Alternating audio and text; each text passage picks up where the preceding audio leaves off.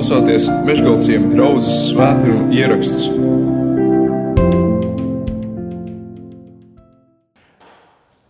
Ievērojamajam sludinātājam Spērģenam, tajā draudzē, kur viņš kalpoja, bija kancele, lai līdz tai tiktu, bija kā desmit pakāpieni.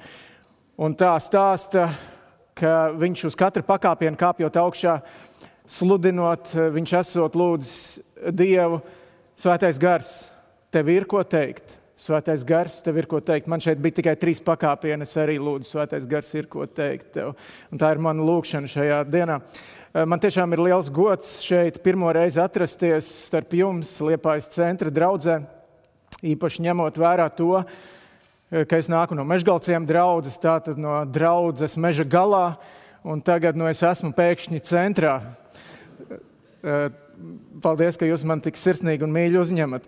Šodien ir arī mātes diena, un es tiešām mīļi apsveicu visas, kas ir māmiņas un kas vēl tikai būs, lai Dievs jūs svētī. Man šī arī, kā jau Sandra teica, ir tāda īpaša mātes diena, jo tā ir pirmā bez manas māmas, kur mēs aizvakar guldījām zemesklēpī.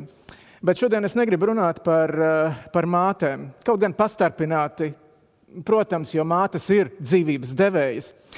Eh, es gribu runāt par dzīvību un dzīvības eh, pārpilnību, par kuru runāja Jēzus, par to lielāko dzīvības apliecinājumu, ko viņš eh, par sevi saka.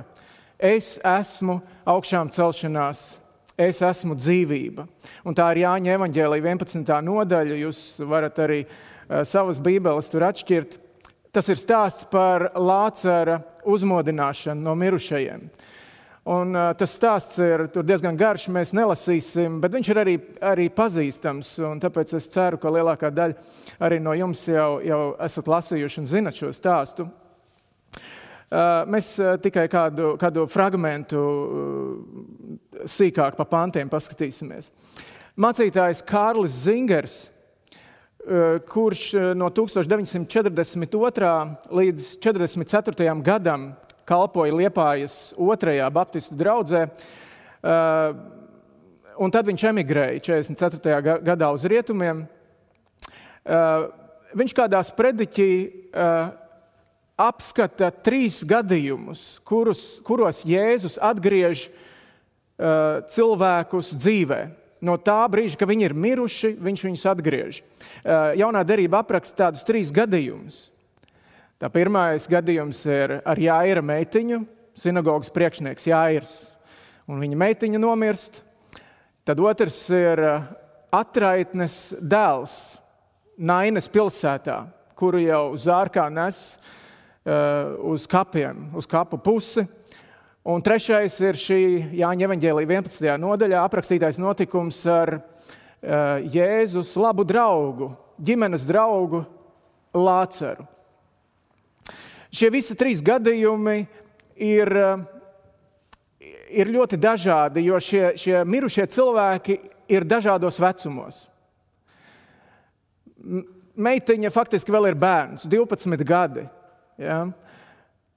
Eh, tas Nainas jauneklis, mēs nezinām precīzi, cik viņš bija vecs, bet nu, viņš bija jauns, jauns cilvēks, jauneklis. Un Lācars jau, varētu domāt, bija tāds jau vīrs, nu, briedum, nu, nobriedis cilvēks. Jēzus arī viņus eh, pamodina ļoti dažādos veidos. Meitenei viņš vienkārši pieskarās pie rokas un saka, Talita, kumi, meitiņa celēs augšā. Tad, kad viņš sastopas to bērnu gājienu Nainas pilsētas tūmā, eh, tad viņš pieskarās zārkam. Un jauneklis pieceļās sēdus, un, un, un var sākties jauna dzīve. Lācaru viņš izaicina no kapa ar spēcīgu saucienu. Lācaru nāca ārā. Arī dažādas pavēles pēc tam viņš dod, ko tad lai dara ar šiem no jauna dzīvē atgrieztajiem cilvēkiem. Meitenītei viņš saka, iedodiet viņai paēst. To jaunekli tur nav nekas plašāk, viņš vienkārši atdod mātei. Atdod mātes rīcībā, jo, ziniet, kā atraitne tajos laikos viņai nebija nekāda sociālajā pabalsta un tam līdzīgi. Neviens viņai aizstāvs nebija. Šis jaunais puisis bija vienīgā cerība. Ja? Un viņš atdod viņu mātei atpakaļ, viņas rīcībā. Un par Lācaru viņš saka, tiem, kas tur klāt stāv, viņš saka, atraisiet viņu. Viņš ir dzīves, bet vēl sasaistīts. Atraisiet viņu, viņu un ļaujiet viņam iet. Redziet, nāve ir kaut kas tāds, ar kuru mēs sastopamies jau Bībeles pirmajās lapusēs. Ēdenes dārzā jau notiek patiesībā pirmā slepkavība. Mēs domājam, varbūt, tas ir eh, pirmā slepkavība reālā, ir Kainas nogalina Ābelu, viens brālis nogalina otru. Bet īstenībā pirmā slepkavība jau notiek ēdenes dārzā, kad, eh, kad Sātans noslepkavo cilvēci. No Bībeles skatu punkta skatoties, Bībele saka, ka mēs visi esam miruši. Mēs visi esam beigti pateicoties tam notikumam, kas notika Ēdenes dārzā. Tā jāira meitiņa, kura bija mirusi, viņa pilnīgi noteikti bija daudz smukāka nekā Lācars, kurš jau četras dienas gulēja kapā. No ārpuses viņa pat varbūt neizskatījās kā mirusi un tomēr viņa bija mirusi tikpat lielā mērā kā tas lācars.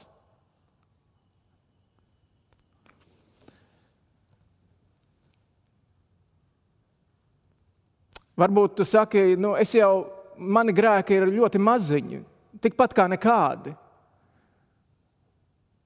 Un tomēr tu esi grēkojis. Un, ja tu esi grēkojis, tad tu esi miris Dieva acīs, bez glābēja. Ko miris cilvēks var izdarīt sevis labā? Nu, neko. Miris cilvēks ir bezcerīgi miris. To mēs saprotam. Mirušu cilvēku var nogrimēt.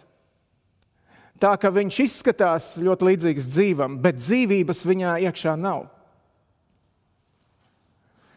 Mums visiem ir vajadzīgs dieva pieskāriens, mums visiem ir vajadzīgs dieva brīnums. Mums visiem ir vajadzīga garīga atdzīvošanās, mums visiem ir vajadzīga augšām celšanās. Un tas šaurais kanāls, caur kuru šī dieva dzīvība ienāk mūsos, tā ir ticība. Un mēs to šajā stāstā redzam. Jēzus saka, ik viens, kas dzīvo un tic man, nemirs nemūžam. Un viņš saka, vai es tev nesacīju, ja tu ticēsi, tad tu redzēsi Dieva varenību. Jo tik ļoti Dievs pasauli mīlēja, ka Viņš deva savu vienpiedzimušo dēlu, lai neviens, kas viņam tic, nepazustu, bet dabūtu mūžīgo dzīvību. Nu, lūk, šis ir stāsts par Lāceru. Lācars ir slims. Jēzus labi pazīst Lāceru un viņa ģimeni, viņa divas māsas. Un uh, viņš saņem vēsti, ka ar Lāceru ir slikti. Nāc, nāc, nāc palīdzi, nāc dziedini. Un Jēzus vēl divas dienas kavējas tajā vietā, kurā nu viņš šo ziņu ir saņēmis. Viņš neizkustās no tās vietas, un tad, kad viņš sāk iet, tad viņš nonāk galā jau tad, kad četras dienas ir par vēlu. Lācars jau četras dienas atrodas kapā. Un 21. pāntā Šajā 11. nodaļā mēs uh, varam izlasīt, ka Marta, viena no māsām, iznāk, iznāk Jēzum pretī, kad viņa zina, uzzina, ka, ka Jēzus tuvojās. Un tad Marta saka Jēzum, kungs, ja tu būtu bijis šeit, mans brālis nebūtu nomiris. Viņa zina, kas ir Jēzus, un viņa zina, ko Jēzus var izdarīt. Kungs, ja vien tu būtu bijis šeit, nekas tāds nebūtu noticis. Un viņa savā veidā apliecina jau ticību, viņa tālāk, 22. pantā, bet arī tagad es zinu, ka visu, ko tu no Dieva lūgsi, Dievs tev dos.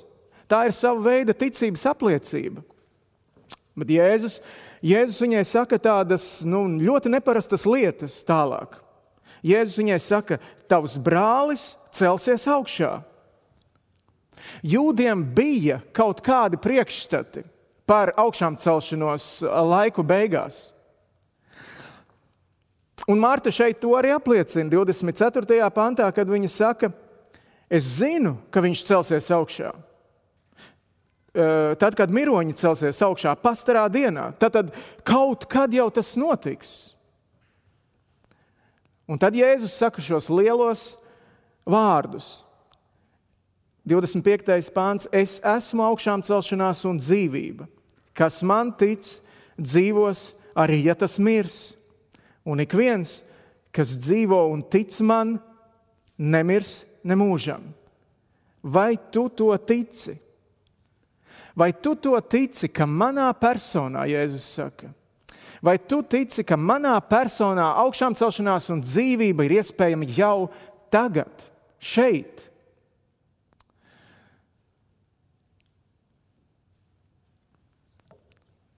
27. pāns, viņa saka, Jā, kungs, es ticu, ka tu esi Kristus, Dieva dēls, kam jānāk pasaulē. Es nezinu, kā jums, man izklausās, ka viņa diez vai saprata līdz galam, ko Jēzus saka, un tomēr viņa, kā mēs redzam, to ticību kaut kādā veidā apliecina.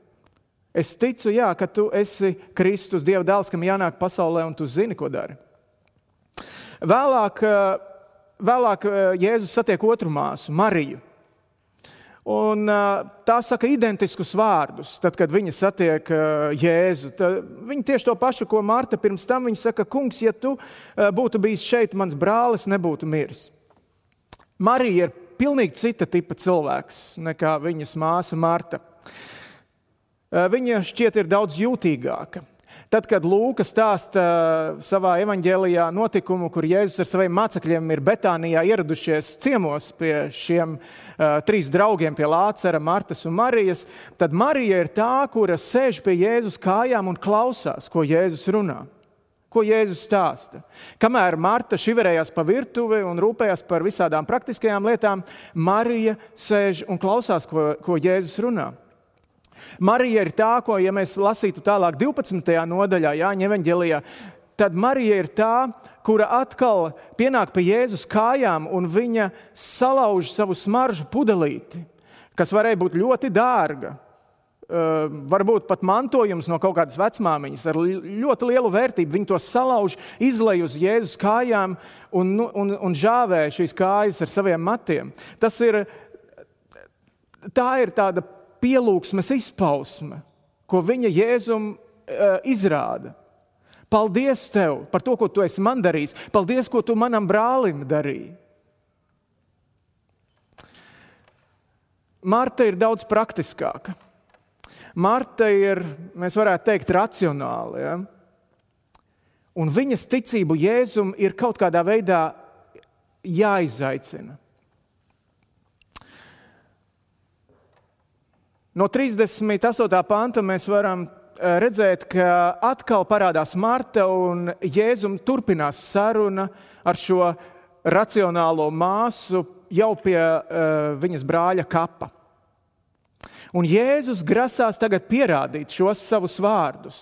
Es esmu augšām celšanās un dzīvība. Bet, lai tas notiktu, viņam kaut kas ir nepieciešams. Viņam ir nepieciešama uh, Martas paklausība. Viņam ir nepieciešama Martas ticība darbībā. Viņam ir vajadzīgi ne tikai vārdi, kā ticības apliecība, viņam ir vajadzīga rīcība, reāla rīcība. Un Martai, tātad viņš saka 39. pantā, noņemiet akmeni. Novēlēt to lielo akmeni, kas kapa durvīm priekšā stāv. Tā ir traka, bet ļoti nepārprotama pavēle Martai. Un Martai ir argumenti. Tas ir skaidrs, kungs. Viņš jau ož, jo ir jau pagājušas četras dienas, kopš viņš atrodas kapā. Un klausieties, ko tad Jēzus viņai atbild. 40. pāns. Vai es tev nesacīju? Ja tu ticēsi, tu redzēsi dieva varenību. Ja jaunais tulkojums varbūt saka precīzāk, tu redzēsi dieva godību. Ja tu ticēsi, tu redzēsi dieva godību. Ko Martai nozīmēja ticēt? Šī brīdī viņai tas nozīmēja uzticēties, viņai tas nozīmēja paklausīt. Un tad viņa varētu piedzīvot dieva godību. Jairam tieši tāpat viņa meitiņas nāves gadījumā vajadzēja ticēt. Marks un Lūka, kad viņi atstās šo jāira notikumu, jāira meitiņas pamodināšanu, viņš, viņi tur raksta, ka tā meitiņa ir tuvu nāvei tajā brīdī, kad jāirs atnāk pie Jēzus. Jēzu nāca, mana meitiņa ir tuvu nāvei. Matejs saka, ka Jāirs, Jāirs saka, mana meitiņa tikko nomira. Kungs nāc, nāc pie manis uz mājām. Par Nainas atraitni mēs nezinām. Kāda bija viņas ticība tajā brīdī, kad tas gājiens iet kapsētas virzienā, un tur nav nekādu citu variantu vairs. Bet tur ir vārdi, ka Jēzus iežēlojās. Un, ja jūs lasīsiet Bībeli un skatīsieties šos vārdus, kur Jēzus iežēlojas, tur vienmēr kaut kas notiek. Tas ir ļoti īpašs vārds. Tas nozīmē, ka kaut kur Jēzus sirds dziļumos sažņaudzās. Viņam kļūst žēl tas notikums vai tā situācija, un tur kaut kas mainās, tad, kad Jēzus iežēlojās. Un šie vārdi tur ir rakstīti, Jēzus iežēlojās, un pāri pat nainas atraitnes iespējamai ticēšanai vai neticēšanai Dievs pagodinājās. Bet gan Jairam, gan Martai uh, ticēt nozīmēja rīkoties. Ticēt nozīmēja paklausīt tam, ko Jēzus saka. Un bieži vien tas ir saistīts, man liekas, arī ar tādu nu, cilvēku pretestību. Jo cilvēki taču zina labāk, kā lietas normāli notiek. Ja viens cilvēks guļ un neelpo, ja ārsts ir konstatējis cilvēka nāvi, tad tas ir bezcerīgi. Ja tas jauneklis guļ zārkā un viņu nes uz kapiem, tad, tad nav cita ceļa, tad nav cita varianta. Tas ir tikai viens kaps. Tie raudātāji, kas atrodas Jāira namā, viņi taču zina labāk. Viņi zina labāk, ka tas bērns ir miris. Un no jaunās derības stāstniecības viedokļa tas ir ļoti svarīgi, tāpēc ka tas nebija tā, ka, ka tā meitiņa bija paģībusi, Jēzus atnāca, pamodināja un viss bija kārtībā. Tur bija vesels bars ar cilvēkiem, kas zināja, ko darīt ar mirušu cilvēku, ka viņš ir miris. Un tomēr Jairam bija jāparāda savu ticību un jāpaklausa Jēzum, tad, kad viņš teica, dzen viņus visus ārā. Turpini ticēt un izdzen viņus ārā. Atstāj mūs šeit vienus pašus. Arī tai atraitnē bija jāpaklausa Jēzum, tad, kad viņš pienāca un pieskārās zārkam un teica, stop, apstājieties. Viņai arī vajadzēja savā veidā noticēt un apstādināt šo bezcerīgo gājienu kap, kapsētas virzienā. Martai ticēt nozīmēja novelt to akmeni no tā tumšā kapa durvīm projām. Atvērt vienu smirdošu kapu. Tā īstenībā ir ļoti muļķīga pavēle. Piekritīsiet. Bet bez paklausības Marta neko nepiedzīvotu.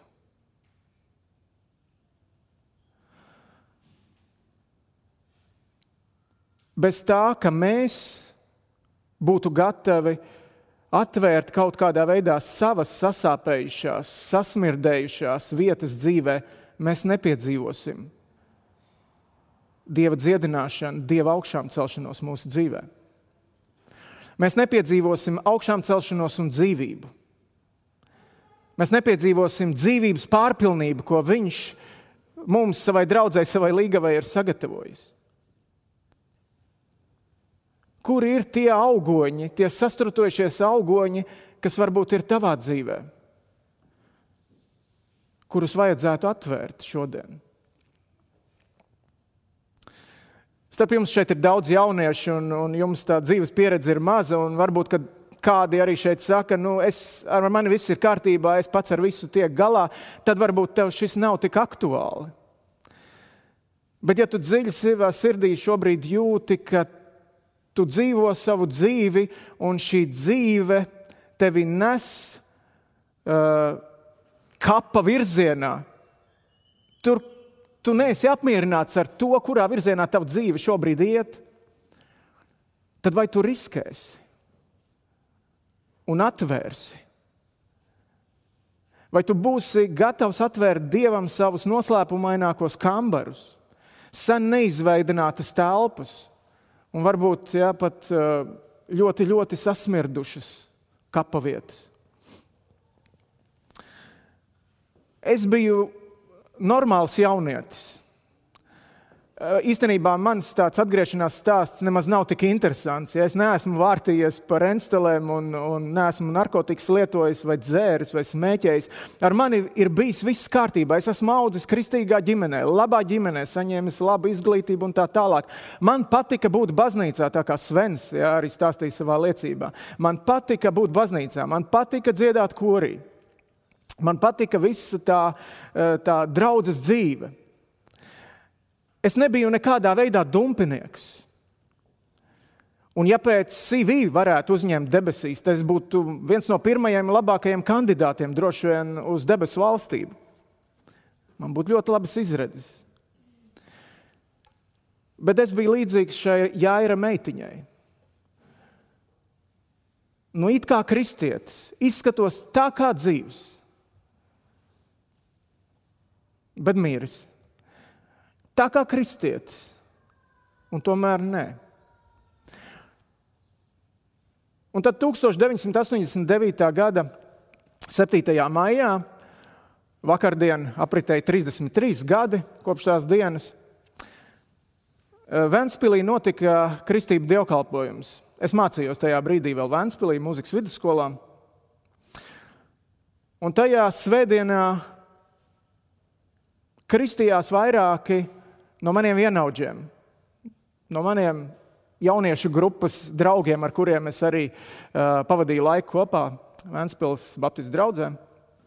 Viens no viņiem, starp citu, toreiz bija vēlākais biskups Pēters Sproģis.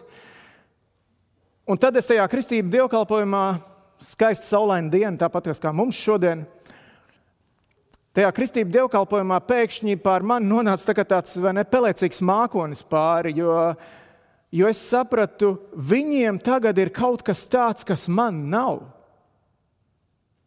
Viņi tagad ir droši par kaut ko, par ko es neesmu drošs. Kas būs ar mani? Ja tā kā Svens saka, ja tagad mašīna apgāžās ja, un man jāstājās Dievu priekšā, Toreiz Vēnspīlī bija tas, tās briesmas par amoniaku, kurš varētu uzsprāgt no sarūsējušajām mucām.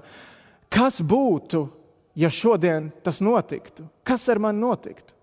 Un drošības man nebija. Redziet, Dievs kādreiz mūs noliek tādās situācijās, kad eh, mēs sākam uzdot pareizus jautājumus. Kā ar tevi ir šodien? Kādreiz Dievs runā caur ļoti vienkāršiem notikumiem, tādiem kā šīs dienas dievkalpojums. Citreiz viņš runā caur ļoti lielām bēdām un ļoti lielām nepatikšanām.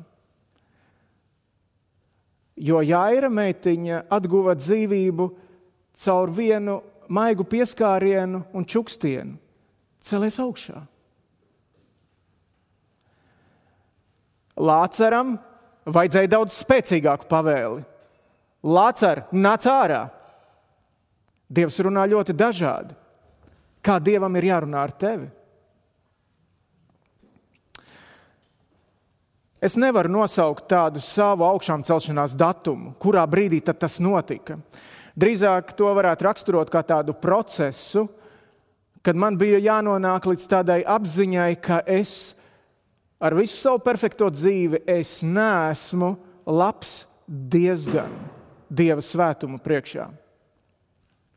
Man bija jāuzticas tam, ka Bībele ir patiesa, ka tā saka, ka visi ir grēkojuši. Un ja visi ir grēkojuši, tad es arī esmu grēkojis. Un tajā reizē, kad es iznācu draudzes priekšā, lai nožēlot savus grēkus, lai ielaistu Jēzu savā, savā dzīvē, tad, tad īstenībā nu, es nevarēju visus savus grēkus nosaukt. Pat lielu daļu no tiem. Ja? Jo, jo, jo principā jau es nebiju nekas slikts. Ja? Man bija jāuzticas, ka Bībele runā patiesību, kad viņi saka, ka arī es esmu grēkojis. Un tikai ar laiku, dzīvojot uz priekšu, es ar vien vairāk, ar katru gadu vairāk ieraugu, cik ļoti īstenībā, cik ļoti man daudz ir piedots. Ja svētais gars atgādina un pārliecina, tad es esmu vienmēr arī nožēlojis. Un tad, kad es esmu sapratis kādu grēku, es esmu to arī nosaucis vārdā un nožēlojis un atteicies no tā. Un da, bieži vien tas ir kā atvērt tādu nu, piesmirdējušu kapu pat dažreiz vaļā. Bet, bet jo tālāk es dzīvoju, es vairāk ieraugu, cik ļoti mana dzīve ir mainījusi Jēzus mīlestība un viņa atdošana. Un joprojām es atrodos šajā ceļā. Viņš uzrāda man manu grēku, es to nožēloju, un viņš dziedina. Viņš uzrāda, es nožēloju, paklausu tam, un viņš dziedina. Viņš piedod. Un es esmu brīvs un staigāju bez nobalsinātiem kapiem savā dzīvē tālāk, kuri no ārpuses izskatās ļoti godājami, skaisti, bet iekšā Jēzus tur kādā vietā saka, tur ir pilns ar, ar miroņu kauliem. Un tajā savā kalpošanas praksē es esmu saskāries arī ar tādām sā, nu, sāpīgām lietām savā veidā, jo, uh, jo, jo pie man ir nākuši cilvēki, es esmu redzējis cilvēkus, kuri ar asarām acīs nožēlo savus grēkus un, un atdod savu dzīvi Jēzum. Es, es, es nevaru teikt, ka tas nebija pa īstam, ja, jo es jau neredzu tā cilvēka iekšpusi. Bet, bet tad, kad es skatos tālāk uz, uz viņa dzīvi, tad um, es neredzu ceļu. Es neredzu, neredzu, ka šis cilvēks būtu kaut kādā izaugsmes vai, vai nu, virzienā, kad, kad, kad notiktu šī augšana. Un tie iemesli var būt ļoti dažādi. Uh, bet man liekas, ka viens no tiem ir šī nepaklausība, šī neusticēšanās. Tā ir tāda nedzīva ticība. Tur ir tajā dzīvē ir kaut kādi noslēpumi, ja, tie kapi, kuriem akmens ir priekšā, un cilvēks nav gatavs tos atvērt un ļaut Jēzus gaismai tur iespīdēt un, un dziedināt. Kamēr mūsu dzīvēs un šajās, šajās apslēptajās vietās neiespīd dieva gaisma, kamēr netiek atzīta patiesība, kas dara brīvu, mēs neredzēsim dieva godību. Mēs nozogam sev jaunu un svaigu pieredzi ar Dievu, kas varētu būt. Ļoti zīmīgi, ka pēc šī lielākā dzīvības apsolījuma, ko Jēzus 11. nodaļā saka, es esmu augšām celšanās un dzīvība. Tieši pēc tam parādās lēmums Jēzu nogalināt. Tur ir rakstīts nodaļas beigu daļā, ka kad tika pieņemts lēmums Jēzu nogalināt. Lai pierādītu to, ko Jēzus apsolīja, ka viņš ir augšām celšanās un dzīvība, Jēzus bija gatavs mirt. Ar nāvi Jēzus pierādīja mīlestību uz grēciniekiem. Ar nāvi viņš pierādīja, ka viņš ir gatavs mirt par tavu un par manu smirdījošo grēku. Un ar savu augšām celšanos, kas tai sekoja, viņš pierāda, ka viņš ir kungs pār dzīvību un nāvu. Viņam pieder visa vara. Un augšām celšanās pierāda, ka dzīvība un dzīvības pārpilnība nav kaut kāda abstrakta nākotne, kaut kad, kad būs augšām celšanās un kad, kad, kad tad. Tā ir realitāte jau Jēzu Kristu šodien. Tu vari iziet no šīm telpām citādāks, nekā tu šeit ienāci. Augšām celšanās un dzīvība, tā mums jau pieder, ja mēs piedaram Jēzum, ja mēs paklausām Jēzum, ja mēs ticībā ļaujam Jēzum mūs atraisīt no tiem līķautiem, kas mūs tur ciet, un dzīvot pa īstam. To dzīvi, kādu viņš mums ir sagatavojis. Tāda ir dzīvība un dzīvības pārpilnība. Tātad redzēt dieva godību, tas nozīmē uzticēties. Tad, kad viņš liek novelt akmeni. Lūksim Dievu. Mīļais Dievs, mēs Tev pateicamies par, par Jāņa evaņģēlīju, kur visu laiku, laiku pa laikam atkārt, atkārtojās tas, ka, ka Dievs ir gaisma.